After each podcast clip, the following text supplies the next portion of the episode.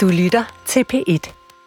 Bodil Skovgaard Nielsen, ser du også livets store drama udfoldet i håndboldspillet? Øh, nej. Jeg har aldrig set en håndboldkamp, så måske går jeg glip af noget. Måske gør du det. Anders Hård Rasmussen, oplever du, at Ulrik Vilbæk er samfundets virkelige skurk?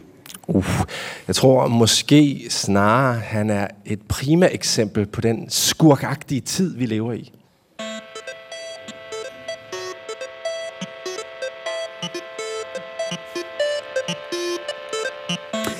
Det private er politisk i Malte Tellerups nye roman Mestrene. For livet i håndboldhallen og drømmen om at være den bedste er som et mikrokosmos af det danske samfund. Det handler om at vinde. Halvkultur er heteronormativ og maskulin, og talentudvikling sætter altid resultater over trivsel. Kritikken af Krasner og Tellerup beskriver sin fynske barndom, sin opvækst i en håndboldhal, sin biseksualitet og sætter ord på Anja Andersens geni og Ulrik Vilbæks dårligdomme. Men har Tellerup ret? Er der ikke plads til queerness i danske sportsmiljøer? Har vores samfund grundlæggende for meget fokus på talent og elite? Og er mestrene egentlig mere et essayistisk debatindlæg end en roman? Anmelderne har læst mestrene og taler om samfundsnormer og maskulinitetsidealer. Det gør vi her på DR Scene på Bogforum med et veloplagt publikum, som endnu ikke har læst romanen. Den udkommer nemlig først i næste uge, men tak alligevel for at være her. Og give lige jer selv en hånd.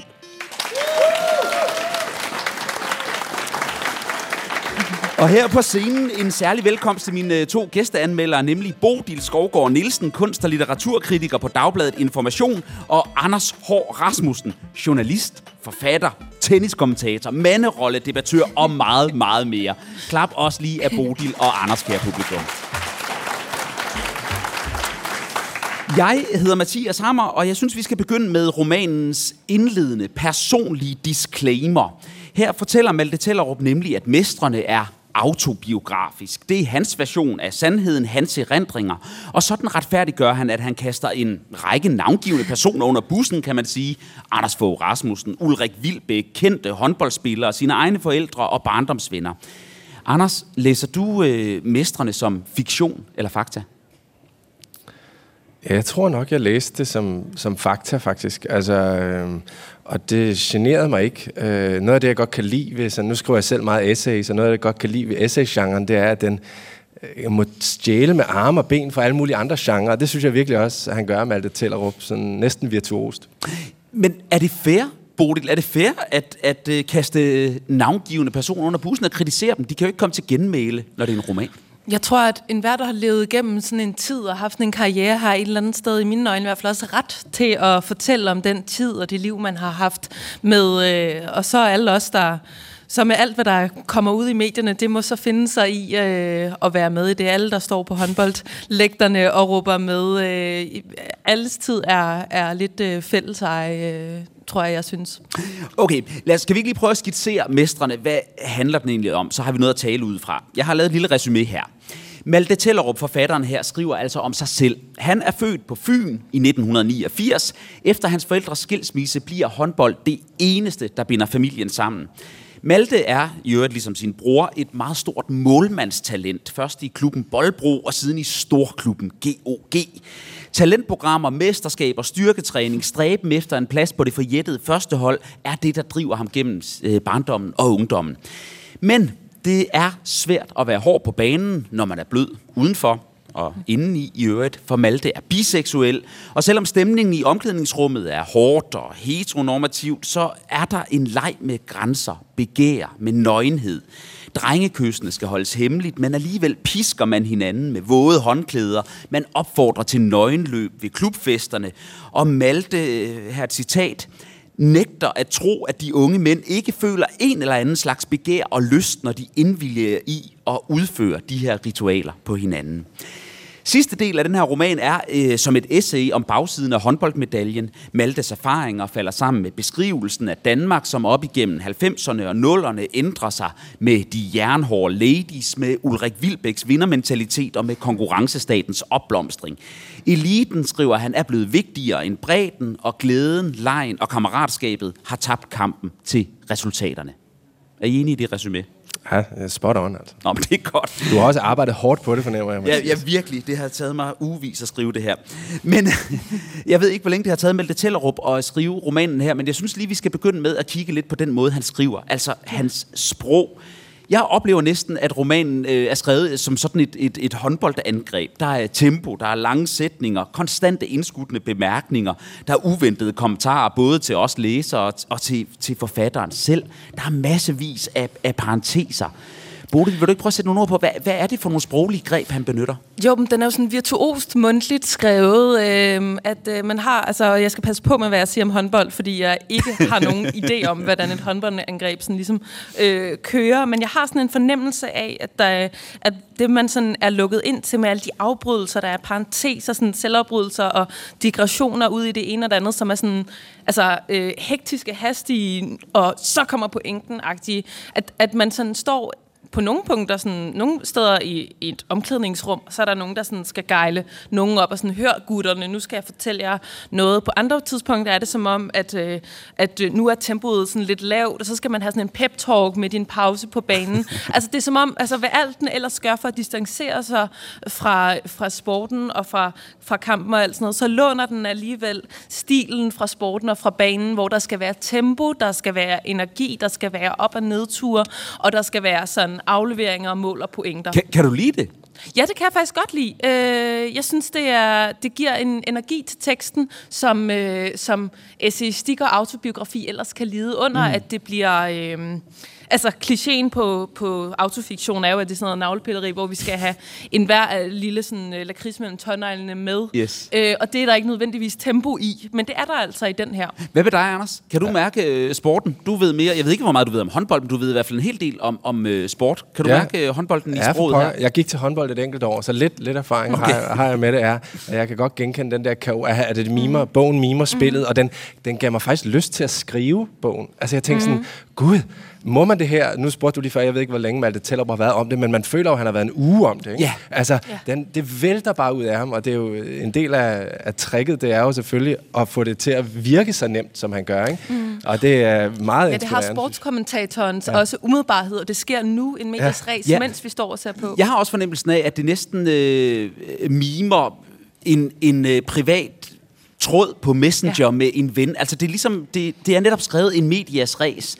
Man har den der fornemmelse af, at de der indskudte sætninger, det kunne man godt have gjort mere formfuldendt, men det, men det er ligesom en del af, af, af selve stilen. Ja, der er sådan noget nærmest flabet, sådan talesprogsagtigt ind imellem, ja. øh, altså, øh, hvor, hvor man er sådan, gud, det, altså, hvor jeg bliver helt sådan, og jeg er endda sådan relativt ung, sådan, gud, det slangudtryk kendte jeg ikke engang. Nej. Altså, så mundtlig er den, at den også, øh, men på sådan en meget, øh, øh, ja, formfuldendt måde. Han, ja. har et, han har et fabulous glide, ja. siger han om en spil. Ja. Det er vidunderligt, og jeg er lost og alene, eller hvad han skriver et sted til alle de autoritære trænere derude. RIP, rest in peace. Ja. ja, og så pludselig begynder han at græde. Det er også, altså, pludselig afbryder han sin egen skrivestil, fordi det påvirker ham så meget, så man er også med der ved, ved skrivemaskinen, og mm. bare flået med. Okay, men lad os lige tage fat i lige præcis det, at han, for det gør han flere gange, når han sidder og skriver. Han beskriver jo sin egen barn og ungdom, og skriver pludselig sådan som indskudt øh, bemærkning, jeg sidder og græder, mens jeg skriver det her.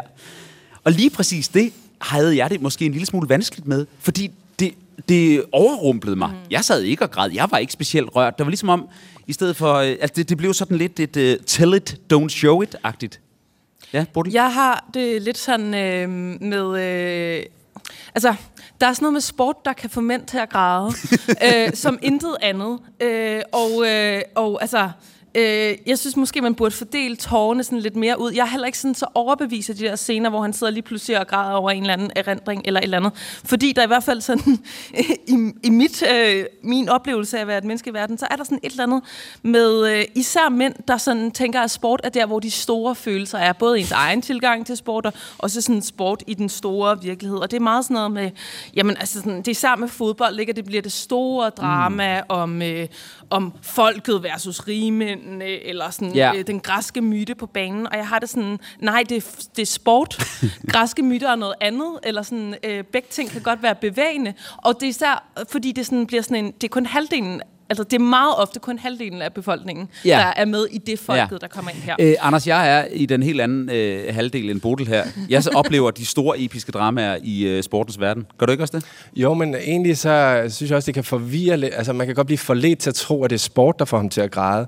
Men egentlig er det jo forholdet til hans far. Mm. Altså, farens historie, faren som en, der er rundet af vejen, en, der er rundet af hallen, en, der er rundet af, af klubånden. Og, altså, det er jo her, hvor han skriver, nu begynder jeg at græde, fordi far, han har fortalt om Boldbro og gamle dage igen og igen, hele min barndom og ungdom, og jeg er vokset op og har savnet ham helt vildt meget, og jeg fatter det ikke. Altså, øh, på en eller anden måde, så bliver det rørende i sådan et far-søn-portræt, mm. som det her jo også i høj grad er en, en bog om. Det må man sige.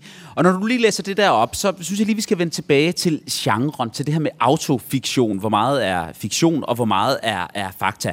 Altså øh, kort fortalt, autofiktion er en genre, der konstant bevæger sig i grænselandet mellem virkelige hændelser, mellem egne erfaringer, med et fiktionslag. Øh, er det ikke nogenlunde korrekt, Bull? Jo. Nå. øh, en ivrigt øh, debatteret genre, fordi hvad er konsekvenserne ved at skrive så tæt på virkeligheden, men at insistere på, at det er fiktion? Og Malte Tellerup forsøger selv at imødekomme det med et indledende brev til læseren i bogen, inden romanen for alvor går i gang, hvor i han blandt andet erklærer, Historien er fiktion, den er erindring, der leger og lyver og gør sig så umage, den kan for at være præcis, men den er aldrig sand, den er oplevet. Og så alligevel, noget er sandt. Boldbrohallen er sand. Kommunalreformen af 1970 er sand. En far er sand. En søn. Ulrik Vilbæk er sand. Et spil om at vinde og holde sammen er sandt. Er det den her forsvarstale, som alle autofiktionsforfattere har ventet på i årvis? Jeg, jeg er bare i tvivl om, om man ikke kunne sige det samme om en almindelig selvbiografi. Altså, mm. om man ikke kan sige, at, at selvfølgelig er det oplevet, og det er, altså andre vil have andre udlægninger. Det, det er jeg ikke sikker på, at ligesom begrænser sig til autofiktion. Jeg synes undervejs, at han har på et tidspunkt skriver han, altså, at far synes ikke, vi er rå nok, vi er ikke nok fra vejen og seje nok. Ej, jeg ved faktisk ikke, om det er rigtigt, men, men det er nogle lorte år. På en eller anden måde, han er hele tiden i tvivl om, at hans egen udlægning egentlig passer, og det synes jeg er meget troværdighedsskabende. Ja. Ja. den gør det jo hele tiden med at afbryde sig selv og sige, altså har den her igen sådan, det ser tilfældigt ud, den måde, den bruger parenteser på, og netop modsiger sig selv, men det er overhovedet ikke tilfældigt. Jeg har da også den der forsvarsbetale. Forsvarstal behøves du overhovedet ikke. Det er ikke, ikke bare selvbiografier, det her, altså øh, en sandhed for. Det er det jo også for, for fiktionskunst mm. generelt, at, øh, at øh, altså, grænserne mellem levet liv og, øh, og kunst er porøse. Og, ja, og nu I nævner alt det her, altså vi har været lidt inde på det. Jeg kan slet ikke lade være med at spørge, er det her, der står her på forsiden, det er en roman? Er det her en roman? Er det ikke snart et essay? No, jo, jo, jeg tror også, jeg læser det også som et essay, og, og jeg ved ikke, nogle gange irriterer det mig, at der skal stå det der på forsiden af bøger. Ja. Det skal der ligesom altid, og jeg, nogle gange, så, fordi jeg også selv skriver lidt i nogle genrehybrider, så sidder jeg altid, åh nej, hvad er det så for et ord, der skal stå på min næste bog? Eller sådan. Måske ville det være rart, hvis der bare slet ikke stod noget her, faktisk. Ja, og jeg tror, at vi i Danmark har sådan en... Øh, altså, jeg tror, at bedre man kan i udlandet blive stor på at skrive essays, eller så er romanbegrebet mm. udvidet der, men, men der er ikke så mange danske forfattere, der er der heller ikke, der skriver essays, og det er sådan lidt... Jeg tror, forlagene er sådan lidt, åh, hvad skal vi gøre med det, Ja, hvis det er ja. ja, halv essayistisk? Ja. Hvordan sælger vi det så? Og så ender der med at stå roman, men jeg er helt enig, det er et essay. Det er i øvrigt nu øh, indledningen, som, som er den her øh, disclaimer til, til mm. læseren. Øh, der er også afslutningen, mm. som er øh, altså fire siders noteapparat, som om det her det var øh, en akademisk doktordisputat med links til, hvor man kan høre et interview med Anja Andersen i Godmorgen Danmark, og øh, litteraturliste, og landbrug og fødevare, og hvem der har skrevet GOG-hymnen, osv.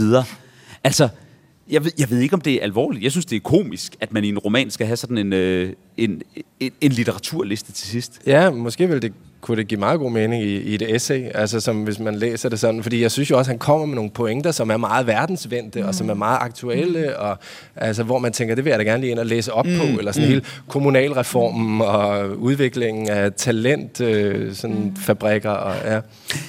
Som sagt er øh, Malte Tellerups jeg, altså hovedpersonen i bogen her, queer. Han øh, er hemmeligt tiltrukket af mænd, samtidig med, at han også øh, gør sig erfaringer med pigekærester. Han er biseksuel, øh, og han arbejder ligesom med to slagsider ved det her maskuline. Blandt andet står der et, et sted, øh, et godt stykke ind i bogen. Jeg begynder at grænske mig selv, mit had til det klassisk mandlige, og mit begær efter det samme mandlige. Hvad, hvad får I som læser ud af at øh, studere konflikten mellem hans begær til det maskuline og hans had til det maskuline? Ja, faktisk lige den der beskrivelse, ender måske ved at være noget af det mere uforløste for mig i bogen. Mm. Altså, øh, det bliver slået an også helt fra starten af. Der er noget med den der guldske i røven. Ja, altså, det bliver slået an som et tema. ja, ja. det er det. Og, øh, og det virker som om, at han er, og det er også det, der gør lidt essayistisk, han er på udkig efter at få svar på de her spørgsmål. Mm. Hvordan er hans begær formet og sådan. Men Og, og, og lige for at sige, den der guld, den vender tilbage mm. flere gange, og det indledes med, at hans mor konstant siger til ham, at han er født med en guldske i røven. Altså en, en, øh, en privilegeret generation, og han er dygtig til håndbold. Og så beskriver han, hvordan, jamen det kan godt være, at han er noget, øh, en guldske, der er ved at komme ud af røven, men i virkeligheden, så, så har han jo lyst til, at der skal komme noget ind i den røv. ja, og Ja, og det er også sådan et billede på, altså sådan noget, en- man kan være født med en sølvske i munden, Ja, ikke? ja. Altså sådan en, det er sådan en, øh, en folkesproglig sådan, øh, gørende ekstrem af det der øh, udtryk, som er ret fed, og som så kommer til at få det her ekstra lag, der er sådan noget begær knyttet til den, mm. øh, som har det der også sådan, altså den er jo også en roman, der, selvom der er et øh, flot Franziska Clausen maleri på forsiden, så er det jo også en roman, om, der er bevidst om, at den er, øh, der er et skæld mellem det det går så en finkulturelle og lavkulturelle, og der foregår nogle kampe der, som hænger sammen, men som alligevel ikke hænger sammen. Og det, der er det der udtryk sådan ret, ret godt, sådan kan man være queer og biseksuel, sådan øh, have, længes efter en guldske i røven i sådan, øh, de fine forfattermiljøer i København, eller kan man, øh, kan man ikke det i håndboldhallerne på Sydfyn? Altså, mm. der er nogle øh, udvekslinger der, der sådan er ret spændende, som er ret sådan inkorporeret i det der udsagn. Ja.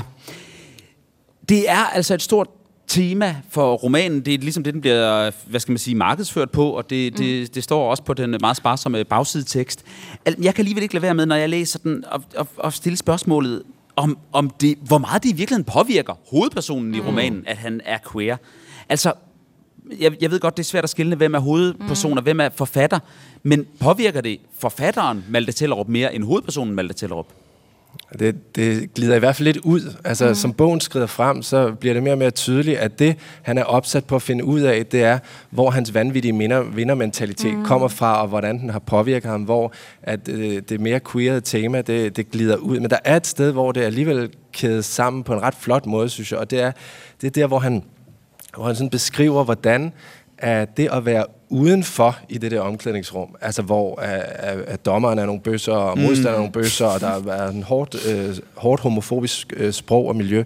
Altså det der med ligesom ikke at kunne være sig selv og slappe af, men ligesom skulle gøre sig hård, holde på sig selv, det, det præger ham også i den måde, han er på banen. Han kan heller ikke lege og slappe af og være umiddelbar på banen, fordi det kan han heller ikke i sit begær og sin identitet. Og det er ligesom med til på en eller anden måde at gøre ham til sådan en kynisk, sådan målrettet vindertype. Ikke? Altså, og det er jo, så på den måde, så det, øh, det som homofobien den, øh, er med til, det er på en eller anden måde at stjæle legebarnet fra ham. Altså, det synes jeg egentlig er meget fint beskrevet. Ja. Ja, altså jeg må også bare sige, at øh, sådan en halv kultur, det har stjålet legebarnet fra mig bare allerede før jeg gik derind. Altså det er sådan det mindst overraskende for mig, at øh, der er homofobi og sådan øh, kvælende heteronormativ kultur i sådan en håndboldhal. Jeg er sådan, ja, no shit. Øh, fordi det er også min egen oplevelse, og det er så med nogle andre øh, øh, parametre, at sådan, altså sådan et, øh, et pigeomklædningsrum, hvor man øh, ser på hinandens kroppe, og mm. øh, hvem er buttet, hvem er tynd, og hvem kan finde ud af at kaste og gribe, er, altså sådan, det er det forfærdeligste sted for mig. Jeg har aldrig lyst til at gå derhen. Igen, jeg vil aldrig, altså jeg kan ikke dyrke boldsport, fordi jeg synes, det er forfærdeligt. Jeg har alle mulige idrætstraumer, så jeg var meget sådan, præmissen, jeg var sådan, ja, ja selvfølgelig var det da forfærdeligt Ja. for dig, det er det for os alle sammen. Der er ikke nogen afsløringer i det for dig. Nej, præcis. Og derfor er det der, det er sådan lidt lavintens queer bror, hvor man er sådan, ja, det var ekstremt ubehageligt og kvælende og seksualiseret på sådan en måde, der blev faret af og sådan hærdende for os alle sammen, der var både os, der var unge i nullerne, men også bare sådan generelt. Altså, øh, og derfor kommer den så måske heller ikke sådan, Nej. altså, det er måske ikke sådan så overraskende. Men han bliver, det er måske det, der ja. Ja. er forskellen, han bliver dog i det, Ja. øh, Ja. og- hvor de fleste jo så forlader, og han, han tager det faktisk ind og siger, jeg skal vise jer. Ja. At, at det faktisk motiverer ham. Men, men, og der synes jeg jo, der er noget interessant i det her, altså i den her, øh, i det homofobiske miljø, hvor han jo bærer rundt på en meget, meget stor hemmelighed, mm. som, som vil, øh, vil udstøde ham fra flokken for altid. Hvis det ligesom kom frem, så er der alligevel også et eller andet i det, som er, er, er tillokkende. Altså, der, der er den der maskuline kultur, der er noget maskulinitet, mm. han begærer, noget han hader, Og så beskriver han alligevel, hvordan den bliver på en eller anden måde udfoldet i, i omklædningsrummet. Der er også en leg i, det her, øh, i, i den her homo-udforskning, som, som de på ja. en eller anden måde er ubevidste om, men som de alligevel udfører. Jeg kan ikke lade være med at tænke, at det er også en funktion for, for, for Men, holdsport og ungdomssport. Ja, jeg tænker, altså, når jeg sådan, jo ældre jeg bliver, tænker tilbage på de der ungdomsår, så er der jo sådan noget, kønsroller er jo sådan ekstremt tydeligt til stede i de der ungdomsår i børn, hvor man dels kan lege med at prøve grænser af, og man er nøgne i en helt anden grad sammen, end man er sådan i sit voksenliv. Mm. Øh, og, og det har han et meget godt blik for, hvordan der hele tiden er nogle små grænseprøvninger til stede med svirp og med... Øh, de står og pisser ja. på hinanden inde i... Ja, det var, det var, synes jeg også var sindssygt. Jeg, altså. jeg, jeg har pisset på mange holdkammerater, skal jeg bare men gør lige mænd, men der må, ja, altså, gør mænd, gør det, mænd det i hold om Ja, naturligvis. Altså, jeg vil sige, jeg, jeg, vi gjorde det meget, men så kom jeg til at gøre det også i gymnasiet faktisk, ikke? Og så lærte jeg, okay, der skulle man ikke gøre det, skulle jeg helt til sige. Altså, så det er meget forskellige rum, hvor man ligesom må pisse på hinanden. Det, jeg godt kan lide også ved den her måde, det er, han, han beskriver faktisk de her ritualer med nøgenløber og håndklædesvirper. Også de her øh, Lars Tønnesen og Winkler og de her vanvittige ja. trænere og mænd. Altså sådan, han beskriver dem med en utrolig sådan, fin nuance, hvor ja. de er på den ene side sådan virkelig bare sådan for meget og alt for macho og sådan, ikke? men så samtidig så har han en enorm kærlighed til dem. Og det synes jeg bærer bogen igennem, mm. at det, hele det her univers, som er meget nemt at på en eller anden måde øh, pege fingre ad, det har han også en kærlighed til. Og det, og det kæmper han så med i sig selv. Mm. Du ved, det her med, at han både begærer og er frastødt af det samme, men, men det rent litterært, synes jeg virkelig, det mm. skaber sådan en, en fortælling, som virkelig nuanceres fint. Ja, yeah. det gør stilen jo også, altså leger med mm. og bliver medrevet. Men en ting er så det her øh, øh, beskrivelse af det, af det maskuline og det homofobiske miljø. Men øh, som jeg indledte med at sige, så er det private politisk i mestrene. Tellerups øh, kritik øh, af træningen er i høj grad en kritik af en generel vinderkultur og en, en national mentalitet, kan man sige, som øh, Tellerup beskriver, ændrer sig fra slut 80'erne op gennem 90'erne og 0'erne. Øh, indledningsvis, Anders, kan, kan du genkende beskrivelsen af den her samfundsforvandling? Ja, jeg synes, at det var faktisk sjovt, lige da jeg havde læst den, så øh, i samme dag var jeg inde på DR's hjemmeside og se, at øh, Dansk Idrætsforbund ligesom gik ud og sagde, nu, nu skal vi simpelthen stoppe med at, at lave konkurrencer for de der 10, 11, 12, 8, 9-årige børn. Nu skal de have lov til bare at spille, uden der er en vinder til stævnerne og sådan noget. Jeg kan meget godt genkende det der med, den hele den beskrivelse af, hvordan selve vinderfokus, det kommer fra omgivelserne, og hvordan det skaber en bestemt form for sådan... Øh, ja, sådan ufrihed og skaber taber og skaber bare alle mulige dårligdomme. Det synes jeg, han beskriver rigtig flot, faktisk. Mm. Ja. Og, og jeg synes også, han beskriver rigtig fint, hvad der er på den anden side af det. Ja, og hvad er det? Ja, det er altså det der Anja Andersen-portræt er jo enormt smukt. Altså øh, den her vinder over dem alle, som nu er servicemedarbejder i Bilka, og, og, og han ser det ikke som en forfaldshistorie, vel? Han ser det faktisk som om hun måske har opdaget noget, som han selv kun har forstået intellektuelt, men som man prøver at få ned i maven, nemlig at det der med at vinde, det er en fiktion, som ingen vinder på. Mm, ja, og han er meget indigneret på Anja Andersens vegne. Der er også noget med, at hun, bliver ikke, hun kommer ikke på top 30-listen, mm. eller meget det er over de bedste håndboldspillere nogensinde. Øhm, men bliver bogen bundet sammen, altså den her samfundskritik, samtidig med den personlige historie, samler den her bog så, Bodil? Den vil jo også gerne være sådan en historie om en arbejdersport, der blev øh, altså sådan perverteret af nogle pengeinteresser, nogle mesterskabsinteresser, fra der er sådan det her spor med, øh, med forældrenes klub, der var sådan en arbejderklub, og, og det, altså lokalsamfundet sådan noget at samle sig om, og så en kommunalreform, og så gav staten håndboldhaller til alle, fordi at så havde man da givet noget til befolkningen, og så blev det kongens. Altså den vil gerne ligesom tegne det her store vy ud over øh, over, øh, ja, over Danmark i øh, 90'erne og 0'erne, og det lykkedes den der sådan til dels med. Igen har jeg måske et, sådan, et eller andet... Øh, den, den redder sig på at være en personlig historie. Jeg har et problem med, når det skal være den store historie om samfundet igen set gennem sport. Øh, fordi at øh, der er jo ikke... Øh, altså, nu siger jeg noget pinligt, men jeg vidste jo altså knap nok, ja, hvem Anja Andersen var. Ja. øh, men altså, så, så, så der, der altså, strækker den sig måske øh, for langt, men som, som værk i sig selv er det sådan rimelig overbevisende. På YouTube at finde videoer med Anja Andersen. Uh. Inden vi holder, så skal vi lige hver især fra jer to have en ultrakort anbefaling på måske anden litteratur eller anden mm. kultur, hvis man er interesseret i øh, sportsmentalitet, øh, homofobi osv. Bodil, en kort anbefaling ja, for dig. Øhm, jeg har tænkt meget på, at øh, der er de her år mange, er mange sådan... Det har jo også en historie om at være homoseksuel i provinsen, og det er en historie om, om mande, sådan, øh, øh, homofobi og alt muligt andet. Jeg har tænkt, hvor er historien om sådan, øh, pigerne på gymnastikholdet, der også havde det sådan sygt kvælende? Der har været de her afsløringer om balletskolen for nylig, mm. men så har jeg læst en anden bog for nylig, som også handler om sådan sindssyg konkurrencementalitet i nullerne, og det er simpelthen Britney Spears selvbiografi, der hedder Min egen stemme, der lige udkom politikens forlag, som også er historien om en pige fra landet i USA, øh, som bliver gigantisk berømt som teenager, og så kollapser alting selvfølgelig, og hverken samfundet eller hende selv eller hendes familie kan håndtere det. Og den skildrer også den her, hvordan det, der skal være en vinder, altså lige så meget rummer sin egen bagside, og øh, alle får det elendigt af det. Britney Spears, den nye biografi. Tak for det. Anders, kan du komme med en endnu kortere anbefaling? Det kan du tro. Det bliver i forhold til temaet omkring at vinde eller ikke at vinde, og at det ikke er det mest interessante, så vil jeg bare anbefale Torben Ulrik, som er en legende på alle mulige planer, og som har beskæftiget sig hele sit liv med sport på højt plan, uden rigtig at interessere sig for sejren. Han skrev for nogle år siden øh, Boldens øjne, værens ben, som er et virkelig smukt værk, jeg kan anbefale vidt og bredt. Tak for det. Og så skal vi have sat et punktum for vores anmeldelse af Malte Tellerups Mestrene. Bodil, er Mestrene en øh, helt støbt og anbefalesværdig roman? Det er en øh, medrivende roman, som har et utroligt smittende sprog. Altså sætningerne er, er vidunderlige og geniale. Den store analyse og øh, er måske ikke øh, så forløst. Til gengæld ender den ret vidunderligt uforløst. Nu vil jeg ikke spoil noget, Nej. men slutningen redder det hele for mig. Anders, har vi fortsat et øh, homofobisk øh, problem i forhold til sportsmiljøer om 10-20 år? Åh, oh, vildt spørgsmål. Uh, fremtidssociologen her. Ja, og du har 10 altså, sekunder til at svare på det. Ja, nu skal I høre.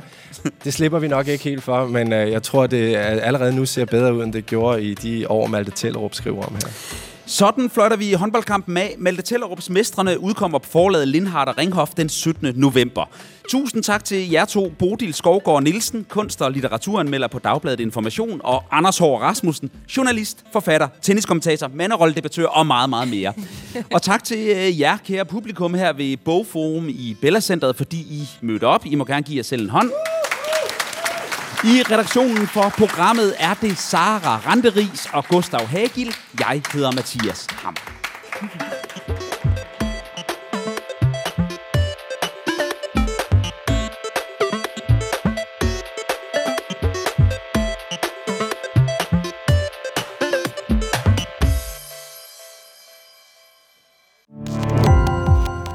Gå på opdagelse i alle DR's podcast og radioprogrammer. I appen DR Lyd.